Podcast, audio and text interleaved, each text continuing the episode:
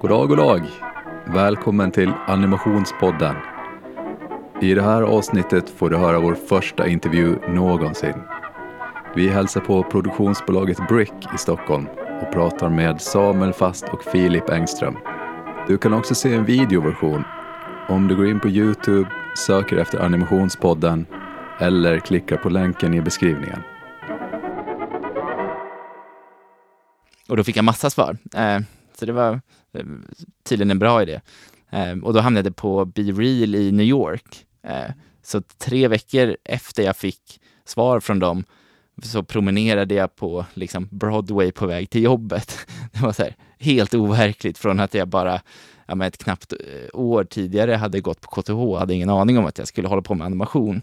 Så det blev en ja, men snabb vändning där. Och det var ju också ett minne jag aldrig liksom kommer, Eh, eller en känsla jag aldrig kommer glömma.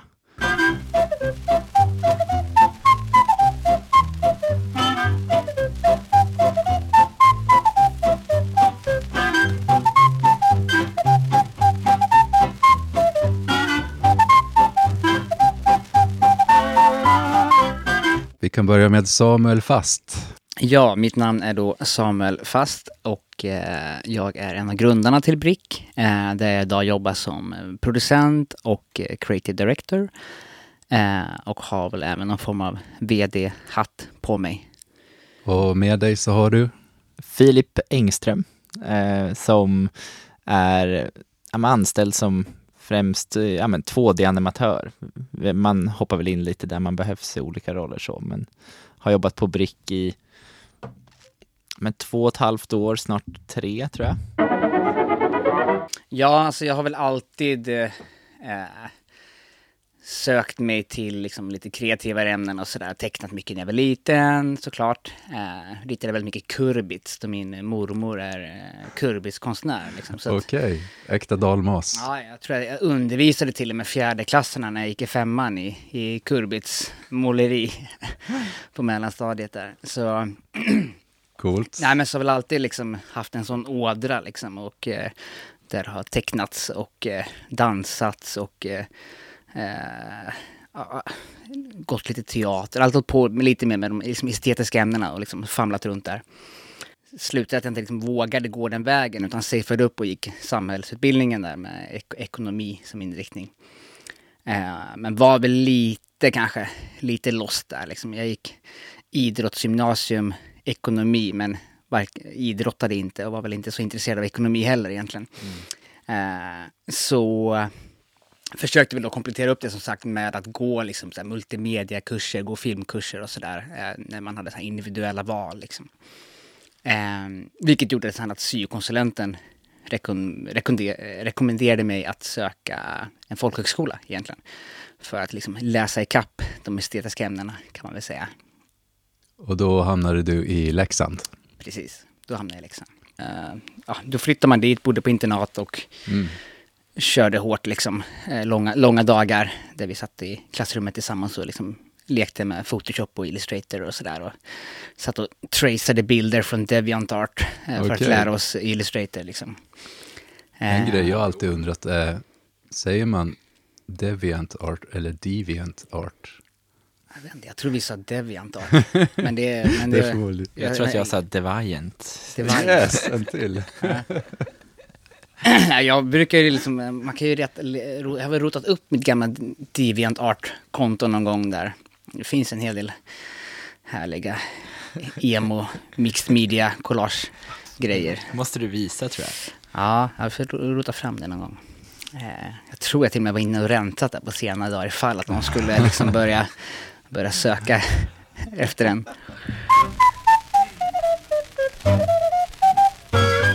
Eh, men, men om vi går tillbaka, alltså Östra Greve.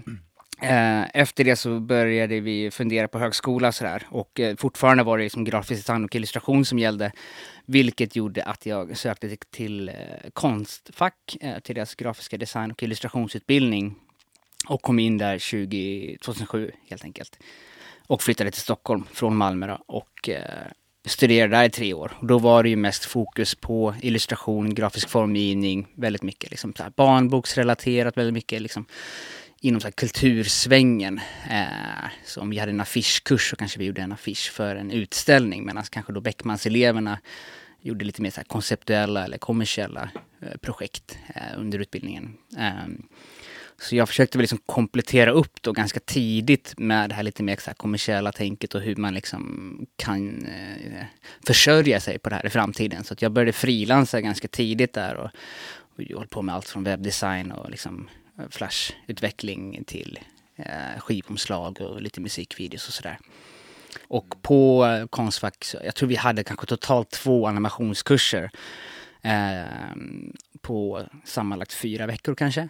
Ehm, så det var inte så mycket animation, eh, men vi var några stycken, det var väl en till två i varje årskull som, som var intresserade av animation, vilket ehm, gjorde att vi lärde oss från varandra och, eh, och det är även då eh, två av mina klasskamrater, Josef och Björn, som, som också är delägare i Brick idag, som ehm, som var med liksom och bollade och vi utvecklade de här kunskaperna tillsammans lite grann. Så de gick båda två i samma, samma år som var årskullen över mig helt enkelt. Mm. Um, men där började väl intresset helt enkelt.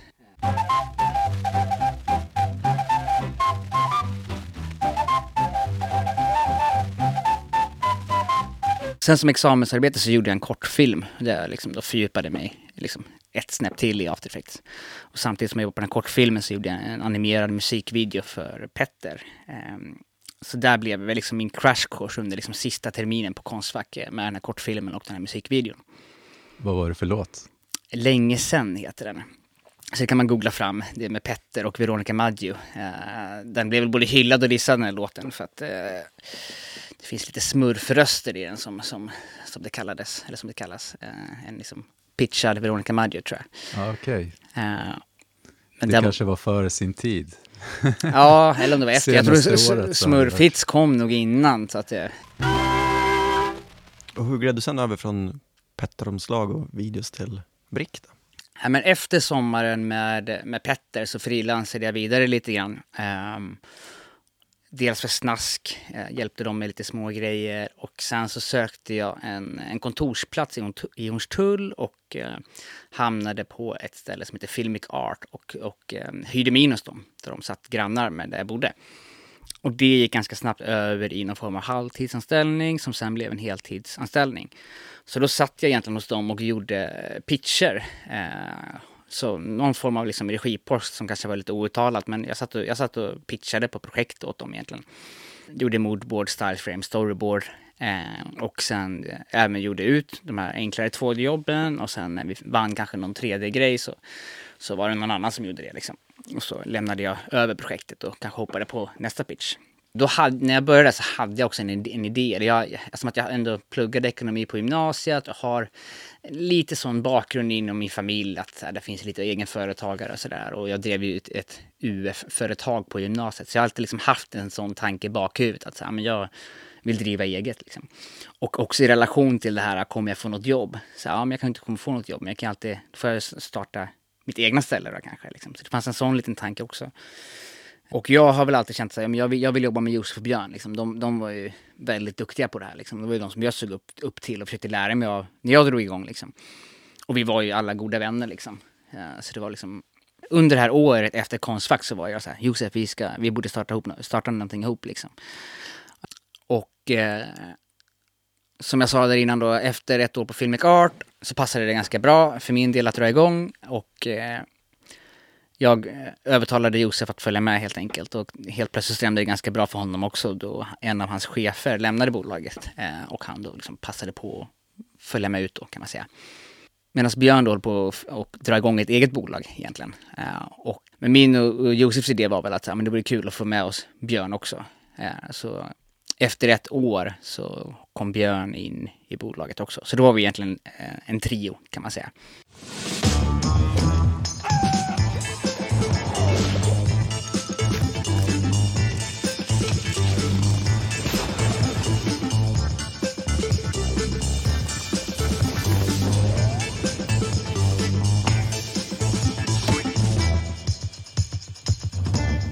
Men eh, det var väl ändå lite jobbigt att ta sig in på KTH? Att du var väl tvungen att anstränga dig för att komma in där? Jo, så var det väl och det var ju ett annat tempo på tekniska kurser mot, mot gymnasiet och sådär. Eh, men det, alltså, jag insåg ju det att de sista kanske två åren jag gick där så la jag mer tid på att fota och filma än att faktiskt plugga. Eh, Vad var det meningen att du skulle plugga? Alltså det var medieteknik, eh, så det var ju mycket matte och, och ja, med vågrörelselära och elektro och sådär. Eh. Något du har nytta av idag? Alltså vi, det var en del programmering och sånt som man ändå, det är bra tycker jag att man har förståelse kring det. Man också tänk, alltså, förstår hur matematik kan beskriva grafiska former och sådär. Eh, och sen är jag inte den som använder så mycket scripts och sånt i After Effects, men jag fattar ändå om jag ser det och, och, och hela den biten. Också tänka logiskt och att försöka lösa problem tycker jag går ganska hand i hand med ja, men med, i animation, det är mycket att man ska lösa ett problem. Liksom, hur gör man det här på bästa sätt? Och det tycker jag är en av de roligaste grejerna med animation, att, att om, om du tittar riktigt mycket på liksom, små saker och små detaljer och, eller stora rörelser i det verkliga livet. Det är så du förstår hur rörelser går till. Mm. Eh, så nu, nu har man ju blivit lite arbetsskadad, så men man tänker ju i frames, att säga, ja den här röken den pågick i liksom sex frames och den utvecklades så mycket. Hur gör man, hur kan jag översätta det liksom? Och vad, vad är liksom motion blur? Varför ser det ut att eh, fälgarna på en bil ser ut att snurra baklänges? Hur får jag det och översätta det att rita rutor liksom? Mm. Eh. Så jag tycker det, det är fantastiskt med animation, att om jag, om jag förstår verkliga livet så kan jag översätta det i animation. Mm.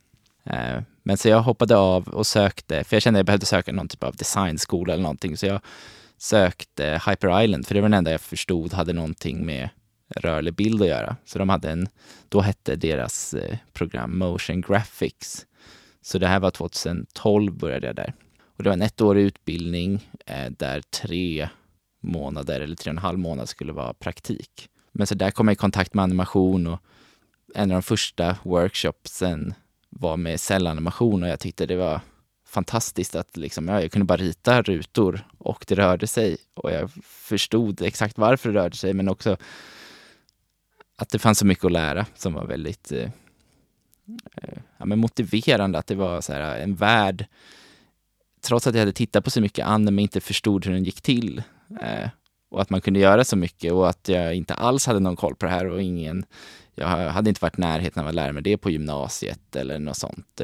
Eh, så det blev väldigt peppigt att så här, oj, nu kan jag verkligen grotta ner mig i det här. För jag tror att jag har det som natur också, att vilja grotta ner mig mycket. Om jag tittar på anime så tittar jag på anime, då är det liksom mycket om jag, ja, jag, jag tycker om att fiska också, då kan jag fiska väldigt mycket. Eh, så animation är samma sak. Där fick jag möjlighet att verkligen kunna sitta varje kväll och lära mig. Vad är motion graphics för något egentligen? Jag tror att det handlade mer om, om jag vet inte, det var kanske inte det bästa namnet. De böt namn efter ett par år efter det till motion creative som jag inte heller riktigt vet vad det betyder. Men, men motion graphics är väl liksom infographics och, och infomercial grafik snarare än, än traditionell eh, karaktärsanimation och sånt. Eh, att få coola former, att röra sig coolt. Alltså jag, jag brukar säga, jag vet inte om det här är rätt, men jag tror min definition har varit lite grann att motion graphics är grafisk design som rör på sig kanske. Och animation, när man pratar om animation som vi håller på med, är liksom illustrationer som rör på sig. Mm. Ja, jag, jag, vet att det var min titel på, på hemsidan, att jag inte ville att det skulle stå motion graphic artist, utan 2D-animatör. Ah. Jag tyckte det var, kändes som en viktig distinktion. Ja, en viktig distink, dis, distinktion. Mer specialiserad. Ja, viktig distinktion. Ja. ja, men det låter ju lite finare, som att det är en äldre titel liksom. Lite, mm. lite mer pondus i den.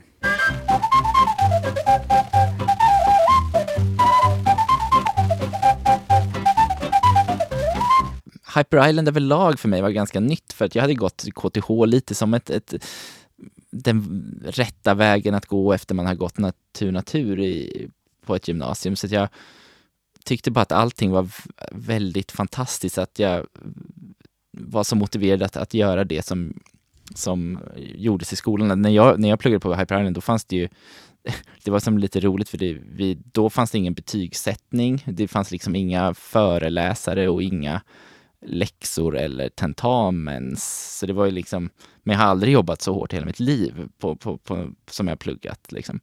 Eh, så först, jag tyckte nog att dels första modulen när man blev introducerad för motionvärlden och när vi hade så här inspirationstalare och, och Claudio Salas kom dit och hade en cellanimationsworkshops och, och eh, ja, men det var väldigt eh, inspirerande. Så då, det tror jag nog den vecka, eller den, de veckorna som tog liksom störst, gav mig störst intryck. Eh, sen när jag faktiskt började lära mig animation och blev lite bättre mot produktionsmodulen eh, var härligt också. Sen var den i praktiken, man fick ju söka praktik själv. Eh, det var också otroligt spännande. Jag, jag fick eh, det var jäkla stressigt att så här, ja, på sex, sju månader ska man hinna göra ett portfolio om man inte har börjat animera någonting där man kan söka till studio som man tycker är, är, är jättebra världen över. Eh, så att jag fick ingenting först, skickade liksom kanske 70 mejl, fick kanske några enstaka svar. Sen kom jag på en idé att jag skulle göra en inf infofilm om mig själv. Så jag hade någon liten idé om att eh, Egentligen hade jag memorerat ett manus som jag gick och filmade mig själv med typ en mobilkamera. Eh, där jag sa manuset fast i olika situationer. Och det var liksom när jag gick på tunnelbanan, när jag satt och åt, när jag åkte snowboard, när jag körde bil, när jag duschade. Och sen så bara klippte jag liksom eh, med orden i meningarna. Eh, eh, och så skickade jag till olika studios och sa att ja, jag förstår att ni är upptagna, och, men för att göra det lättare för er så vill jag visa vem jag var. Och då fick jag massa svar. Eh, så det var eh, tydligen en bra idé. Eh, och då hamnade jag på Be Real i New York. Eh, så tre veckor efter jag fick svar från dem så promenerade jag på liksom, Broadway på väg till jobbet. Det var så här, helt overkligt från att jag bara ja, men ett knappt eh, år tidigare hade gått på KTH, hade ingen aning om att jag skulle hålla på med animation. Så det blev en ja, men snabb vändning där. Och det var ju också ett minne jag aldrig liksom kommer, eh, eller en känsla jag aldrig kommer glömma.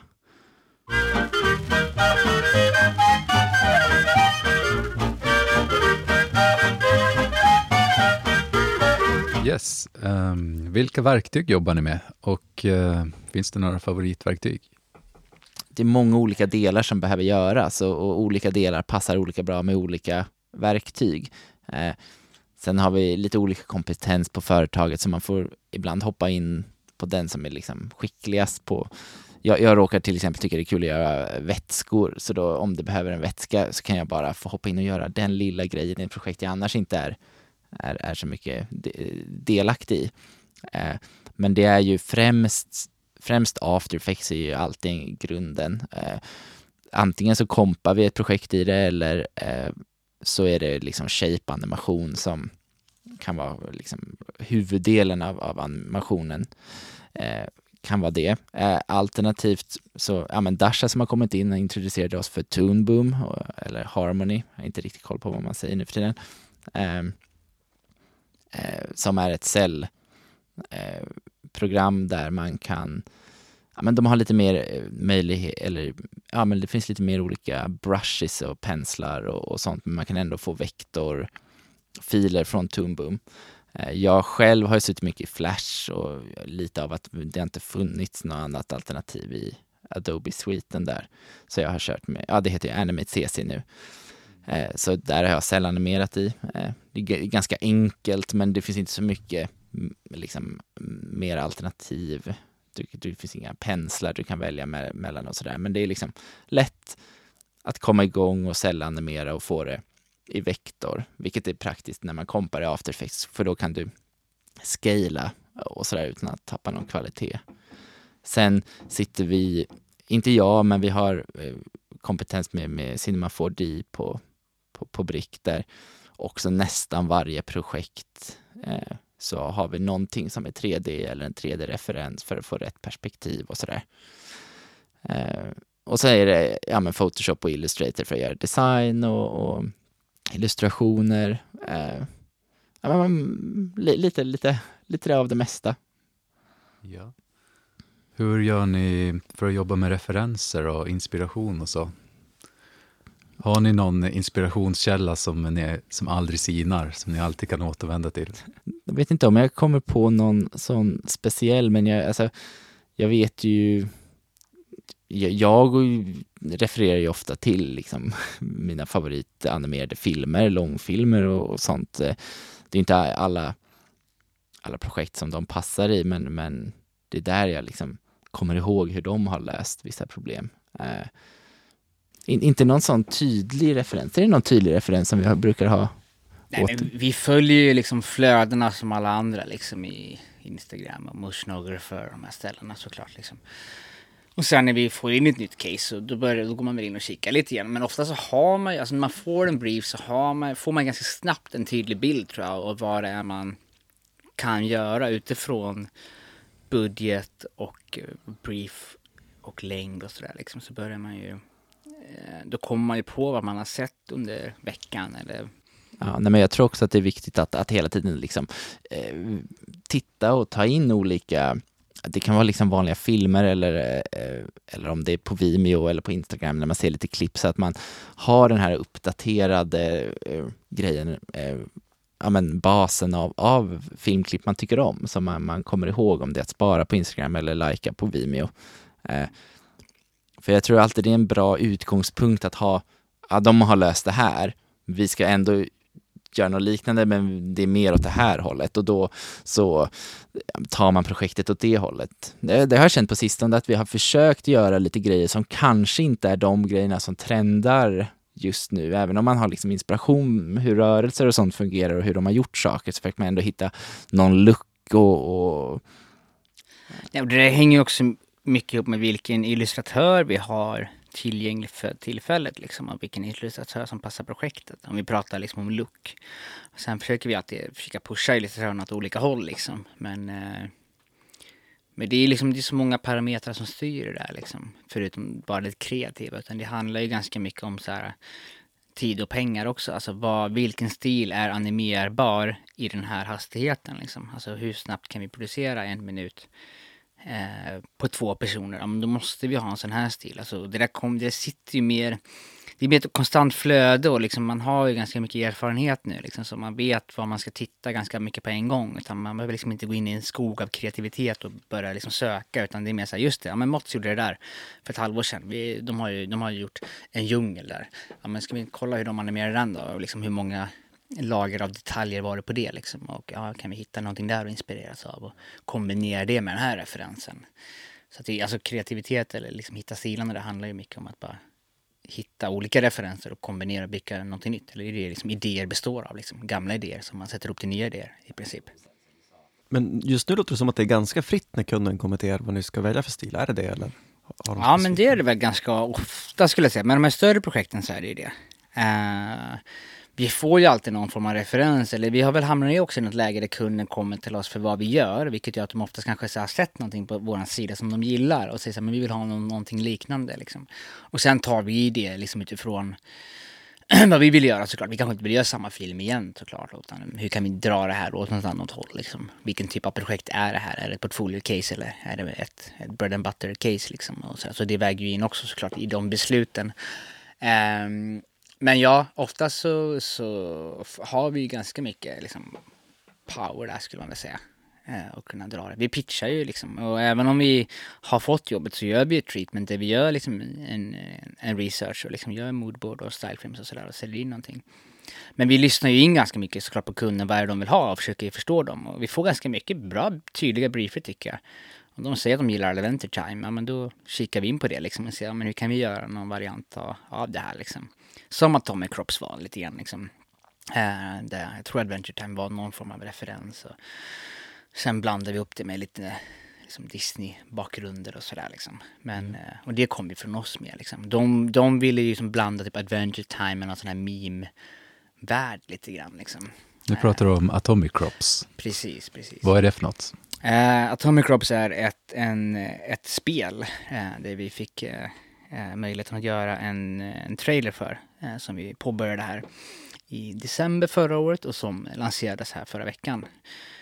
Precis, det var väl eh, animationsreferensen var Adventure Time och eh, bakgrunderna skulle vara lite old style Disney. Ja, men ju- precis. Och, och det, det sålde vi ju för egentligen in i telefonmötena. De ville ha det här lite gamla vintage-animationen. Så visade vi vårt showreel-intro som är gjort på lite samma stil. Det är tre små, tre, liksom en pastisch på de tre små grisarna egentligen.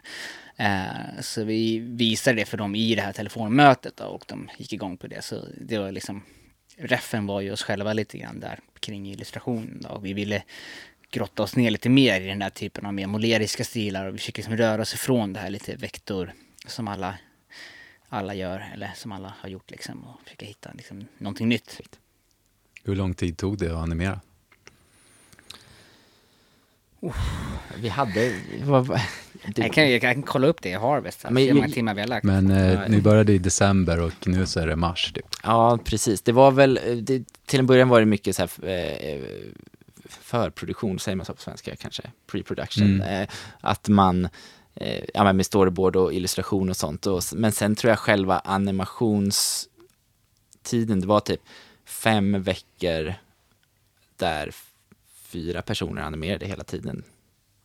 Det var ju väldigt mycket karaktärsanimering Ja. och det tar ju tid.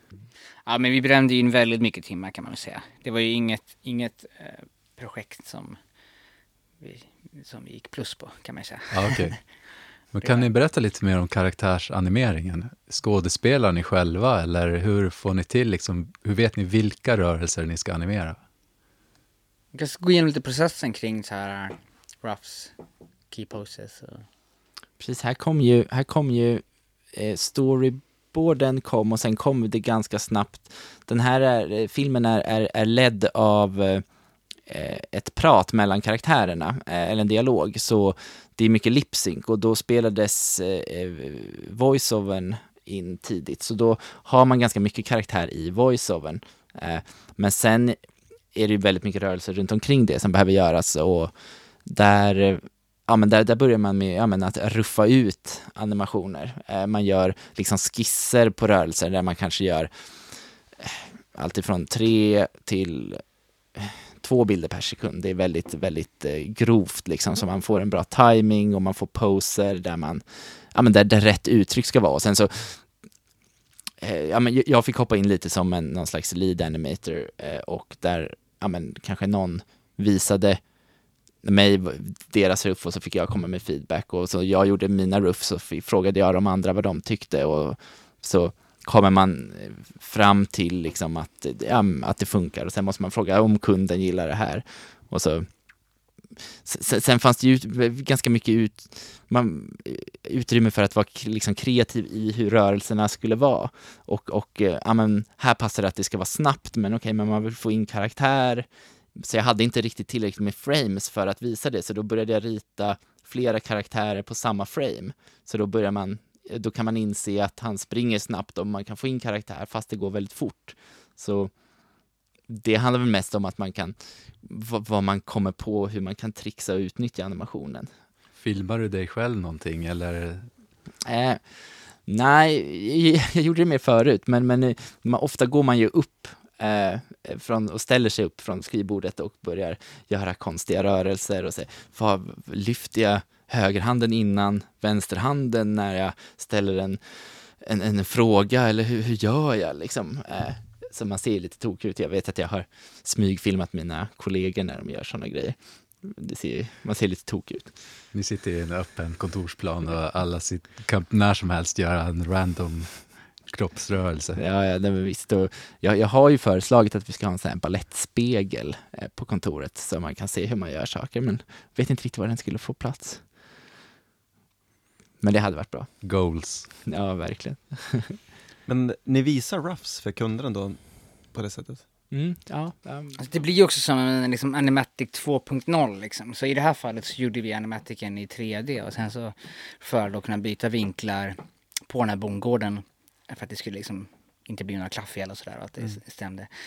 Eh, och eh, där, och sen, alltså det var ju liksom någon form av första animatic med bakgrunderna och sen bara inritade storyboard, alltså en boardomatic. Typ liksom. Så stillbilder på karaktärerna mot de här 3D-skisserna på bondgården.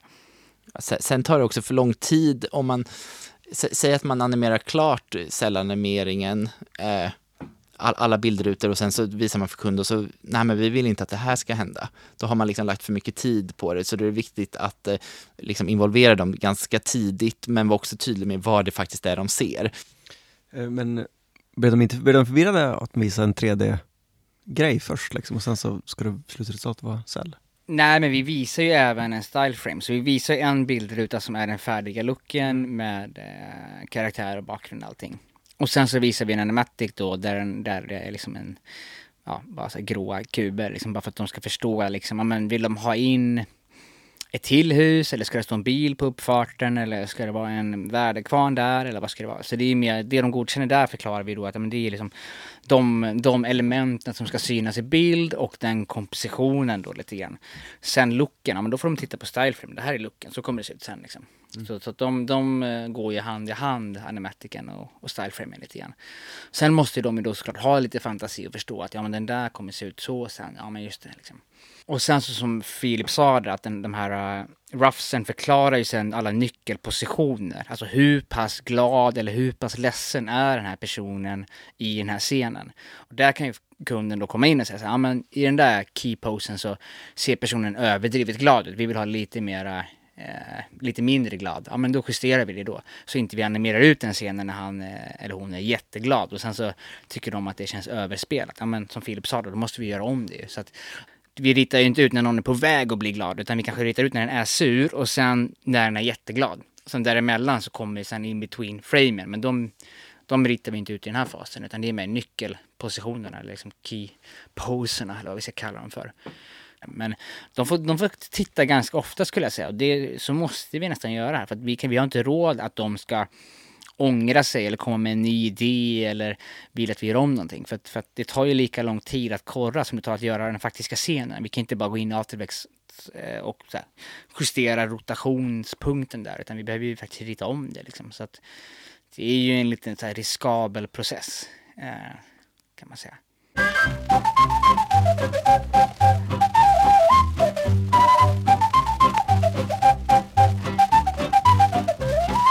Tror ni på talang?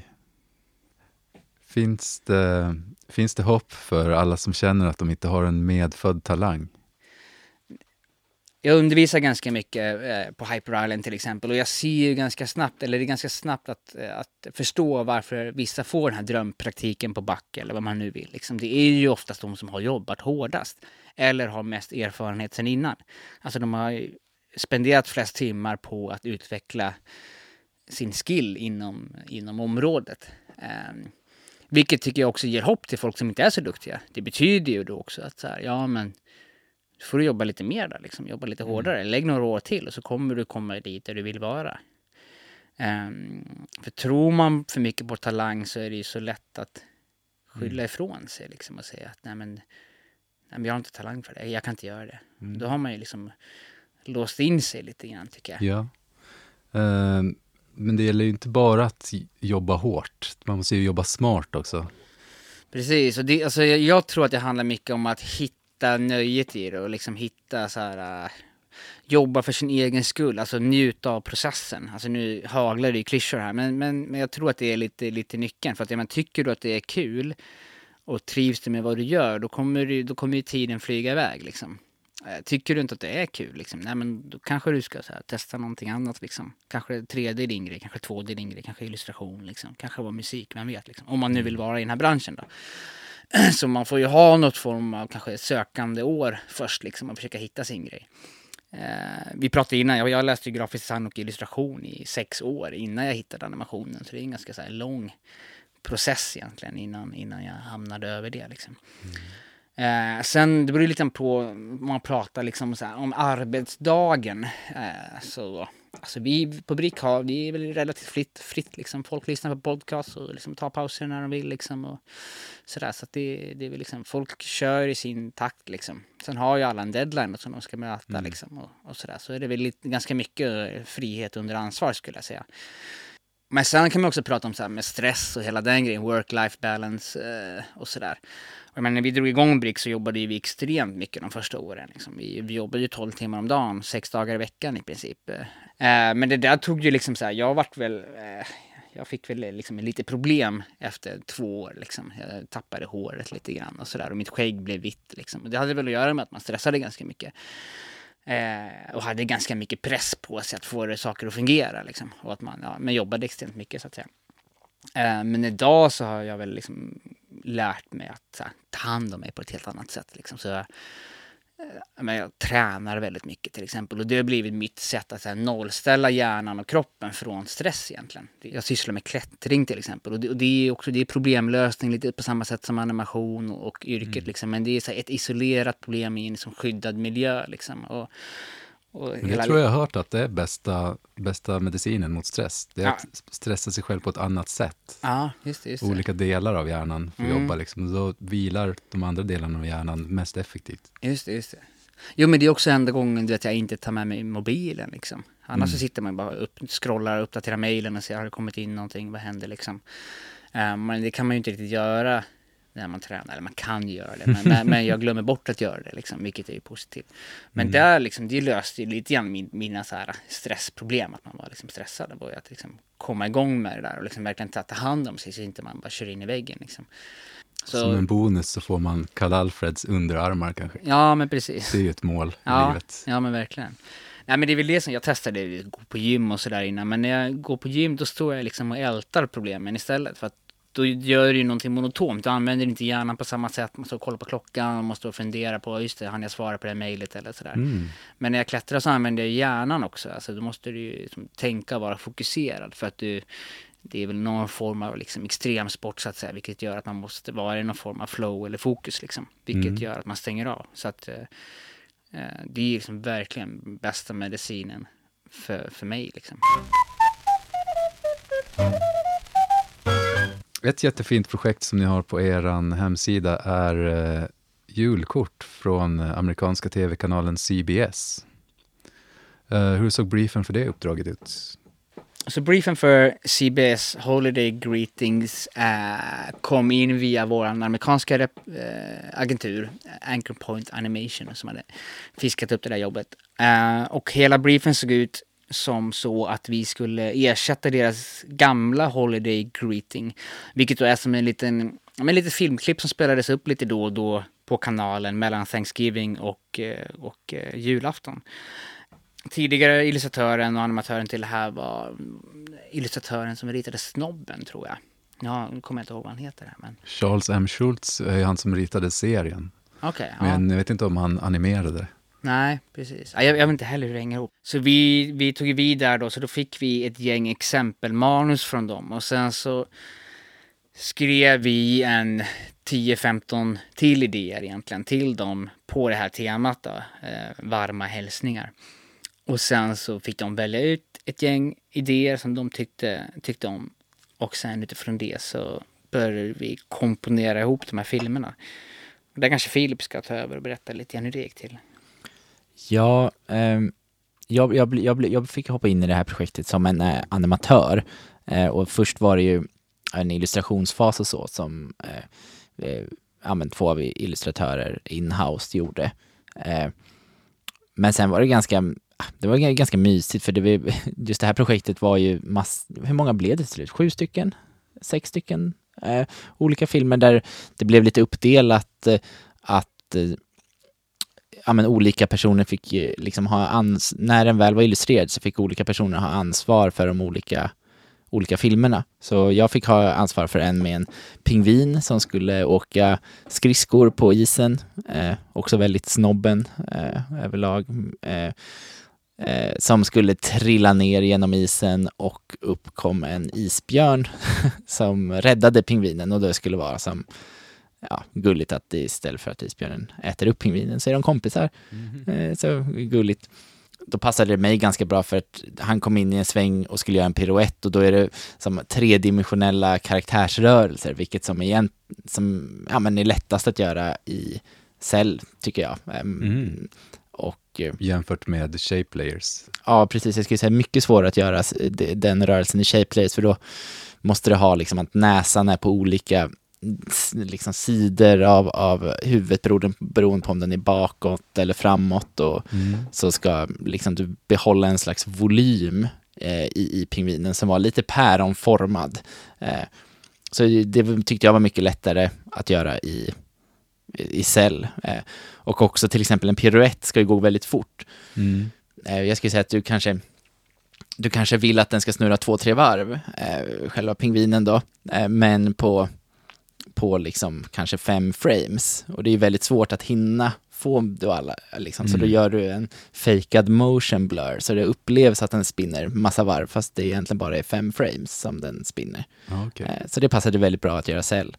Men då kompade jag även eh, hela eh, liksom scenen så att det var en schysst så här, långsam inzoomning med parallax och det var, var, var, var snö och eh, så kom eh, pingvinen in och sen åkte den ner genom det här hålet i vattnet som den plaskade upp och då när pingvinen och isbjörnen kom upp då hade jag bytt till shapeplay animation för då passade det Okej. mycket bättre att göra för det inte var en lika avancerad rörelse Så och gick det, lite fortare liksom. mm, det är ju en grym fördel att kunna båda. Och Ja. dessutom få det att se att man inte ser skarven. Liksom. Ja, nej, nej, men, nej men verkligen. Jag tror att det... eh, Jag, jag, jag tror det är en fördel att ha lite så här celltänk för att all, all animation är ju uppbyggt av liksom frames mer eller mindre och man Mm. behöver ha den här förståelsen kring hur vissa rörelser.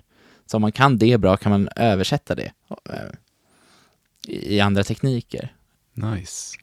Um, dessutom slipper du ju massa tid att göra riggar och sånt ibland. När du bara behöver någon extrem pose så kan du bara rita den direkt. Ja, nej men eh, precis och ja men när det inte är allt för mycket karaktärsjobb utan till exempel vattnet i- när isbjörnen åkte upp var, gjorde jag i cell och det var bara att köra på. och Det gick nog mycket fortare än om jag hade försökt det i, i shape layers. Feedback är ju det är ju väldigt bra, men det är också lite svårt att ta ibland. Men, men för man gör ju ofta saker för man tycker det är, rätt eller fint eller man har en tanke med det. Eh, men vi skojade ju om det här, här, här, i fredags faktiskt. Vi pratade om Ja. det senast när vi, vi försökte liksom identifiera olika sätt att ta emot feedback eh, hos våra anställda. Liksom. Någon blir arg, någon blir ledsen, och någon blir besviken. Och, och det finns liksom, alla har sitt, sitt sätt att ta det liksom. Så att, jag menar, det där växer man väl aldrig ifrån liksom. Och så är det väl med alla kreativa yrken, att man, liksom, man går in med sitt hjärta i någonting och så kommer någon och Ja, exakt. Det är ett Tycker till. tecken på att man bryr sig i alla fall. Ja, Och det är ju precis. därför vi gör det, för att vi tycker det är roligt. Om man vill kunna lägga in lite hjärta i projektet, och då blir man ju lite stött när de inte riktigt förstår vad man menade med det där. Sen så tar det väl kanske, för mig, jag brukar bli lite frustrerad och arg och sen så går det väl över efter 20-30 minuter och så, ja, ja, det är helt okej. Eh, Mm. och, Så därför är det bra att det finns en projektledare och producent ibland. Som, Mm. Så att inte feedbacken går direkt till den arga kreatören här liksom, Mm. som svarar i affekt. Liksom. ja. Nej, men det brukar vara så, Sofia sa, ja, men hon brukar, hon brukar alltid bli så rädd när jag, när jag säger att, ah, gud vad jobbigt det här var, så här, och ah, hur lång tid tar det att- fixa det, undrar hon. Säger det två dagar, så, ah, tio minuter. så det, det är inte så farligt egentligen, men, men, men det är som att man Ja, blir lite stött direkt. Men det är ju, det största jobbet är ju att här, ställa om hjärnan bara i en ny riktning. Ja, ja, ja precis, när man har verkligen tänkt åt ett håll. Mm, exakt. Sen så var det inte liksom, ja det blir ju säkert bättre.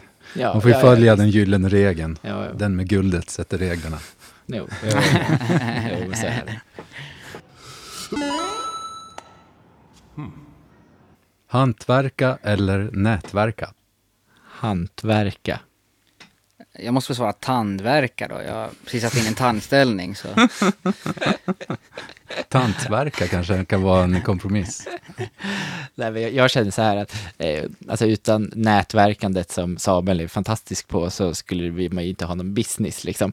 Men jag tror också att det, det vi försöker marknadsföra oss själva som och, och, och, vad för typ av, av av ställe är ju att vi gör fina saker och då kräver hantverket mycket eh, ja, men, tid också. Precis, men jag, jag står ju såklart på hantverkssidan också. Då det är det som, det är det vi, vi, vi säljer och det är det vi, vi vill vara liksom uppskattade för. Mm. Så att det, det är liksom nyckeln, att det är ett, ett bra hantverk. Mm. Ja, Och, och det, då slipper man, har man ett bra hantverk så, så kan man ju undvika nätverk och huvudvärk och tandvärk. Ja, nej men, och, och jag tycker det, det jag tycker det är skönt att animation ändå, jag, jag har hittat mycket glädje kring att det är ett, ett, ett fint hantverk och att det är ett, ett, ett roligt hantverk. För även om projekten i sig kanske inte är så roliga då, det kanske, ja, av vilken anledning det nu kan vara, så kan man alltid finna liksom glädje i hantverket, att jag kan göra en så fin rörelse som möjligt. Eh, så det tycker jag är väldigt, eh, ja men, väldigt viktig del av hantverksdelen. Animera eller automatisera? Animera måste vi väl säga där. Det är ju det vi gör. Eh, vi, och vi är väldigt dåliga på att automatisera. Ja, ja det, det är några få tillfällen när vi har liksom återanvänt grejer eh, ordentligt eller att man ja, men har någon slags skript som, som underlättar för en. Eh, vi gör ju mycket för hand. Ja, men precis. Det är ju liksom lite nyckeln till, till, till det vi gör. Liksom. Eller till att det blir bra, att vi inte automatiserar så mycket. Är ni oroliga för att automatiseringen ska ersätta animatörerna om tio år? Vi justerar ju för sig det vi gör liksom efter hur marknaden förändras lite grann. Liksom. Eh, och, och alltså det, vi har ju gått från att göra kanske mer generiskt arbete till att försöka göra mer unika, unika saker som det går. Liksom. Eller försöka göra saker som är svåra att kopiera. Som till exempel cellanimation Sen vet vi ju inte hur det kommer att se ut om tio år och sådär. Men, men man säljer ju inte heller bara hantverket. Vi säljer ju också någon form av liksom expertis, storytelling, kreativitet. Liksom. Så att eh, du kan ju köpa en film idag för 500 spänn på, på Videohive liksom. Som du kan ha för ditt, till ditt företag och bara byta loggan. Och, så att eh, det finns ju redan liksom. Ja, jag tror så här, AI är väl på väg att ta över de flesta jobben, och inklusive vårt, men det är ett litet tag kvar. Jag tror man kan liksom utveckla sin spets åt ett håll som ändå blir, ja men som inte är helt hotat eh, ett tag till i alla fall. Men nej, vi är väl inte oroliga. Vi, vi lever för nu, i nuet. På tal om det så har ni ju gjort en eh, framtidsvision där, eh, där det är någon slags upplopp. Eh, robotarna verkar ha tagit över. Det är apokalyps, dystopi. Och eh, vi ser några få stackars människor kämpa in i det sista. Men eh, runt hörnet så kommer det en gigantisk, eh, vadå för något Filip?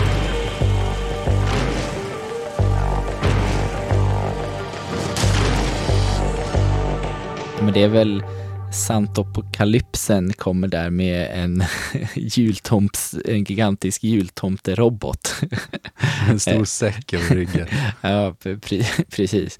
Och i mitten av, av, av eh, bilden så brinner ett, en julgran. Och på varsin sida då har vi rebellerna och en ja, robottomtearmé. Det var väl vårt bidrag till, var det 2016, Julog? Ehm, precis. precis. som, ja, där i communityt var massa eh, personer som blev inbjudna och ansökte om att få bli inbjudna eh, att göra en, ja, men en klassisk eh, eld i, eller en brasa i eldstaden. Eh, Bras DVD typ. Ja, men precis. Eh, Och vi tog det väl ett gäng steg för långt i, i liksom ambitionsnivå. Det tog några månader att få klart den filmen. Och vi var väl tre som jobbade på den. Det var väl Björns eh, barn där, eller bebisprojekt. Eh, Ja. Det var ju Björn som ville testa lite nya stilar och sådär och, och eh, gå lite djupare i det här hur vi kan kombinera cellanimation och 3D och eh, ja, lite matte painting och klassisk, eh, eller klassisk och after effects animation helt enkelt. Ehm, så det, det är ju en väldig mix i den där filmen. Känns lite som en kombination av typ Kalankas julafton och Akira. ja, ja, bägge var nog referenser. Det, var ju, det är de arbetslösa animatörerna som står där nere och försöker göra revolt mot eh, Ja. robotarna. Automatiseringen. Precis. Mm. Yes, snyggt ihopknut. Uh, allra sista frågan, kanske svåraste frågan av alla. Heter det GIF eller GIF? Jag, säger, jag säger ju GIF. Jag säger GIF också. Det är ganska roligt. Det är, det är annars ett tips jag har att eh, så, har- så har jag eh, lärt mig mycket av animation. Det är att så här, jäklar vilken snygg rörelse och så framesteppa och kolla. Eh, och, alltså, av, av bra animationer så är liksom varje ruta är så välgjord, men också vissa är helt absurda hur saker är utdraget på olika sätt eller vad man skippar från en ruta till en annan och, och, och sådär. Eh, så framesteppa i, i, i filmer som du, som du gillar, det är liksom det är så man lär sig. Bra tips. Ja. Jag kan lägga till ett tips till den. På YouTube så kan man trycka, jag tror det är komma och eh, punkt för att gå framåt och bakåt en frame. Mm. Ja, gr gr grymt. På Vimeo är det sk- skift eller command och piltangenterna. Yes, snacka om att våra lyssnare får valuta för pengarna nu. Alltså. Ja. Tusen tack för att Ja. ni kom. Ja, tack så mycket. Supertrevligt. Jättekul att få komma hit och prata. Tack detsamma, tack för att ni kom. Ja, tack. Tack så mycket. Tack, tack. tack. Tack, tack, tack ni. That's all, folks. Tack för att du har lyssnat på Animationspodden. Följ oss på Instagram, följ oss på Facebook, följ oss på YouTube. Gilla oss. Krossa subscribe-knappen. Mm.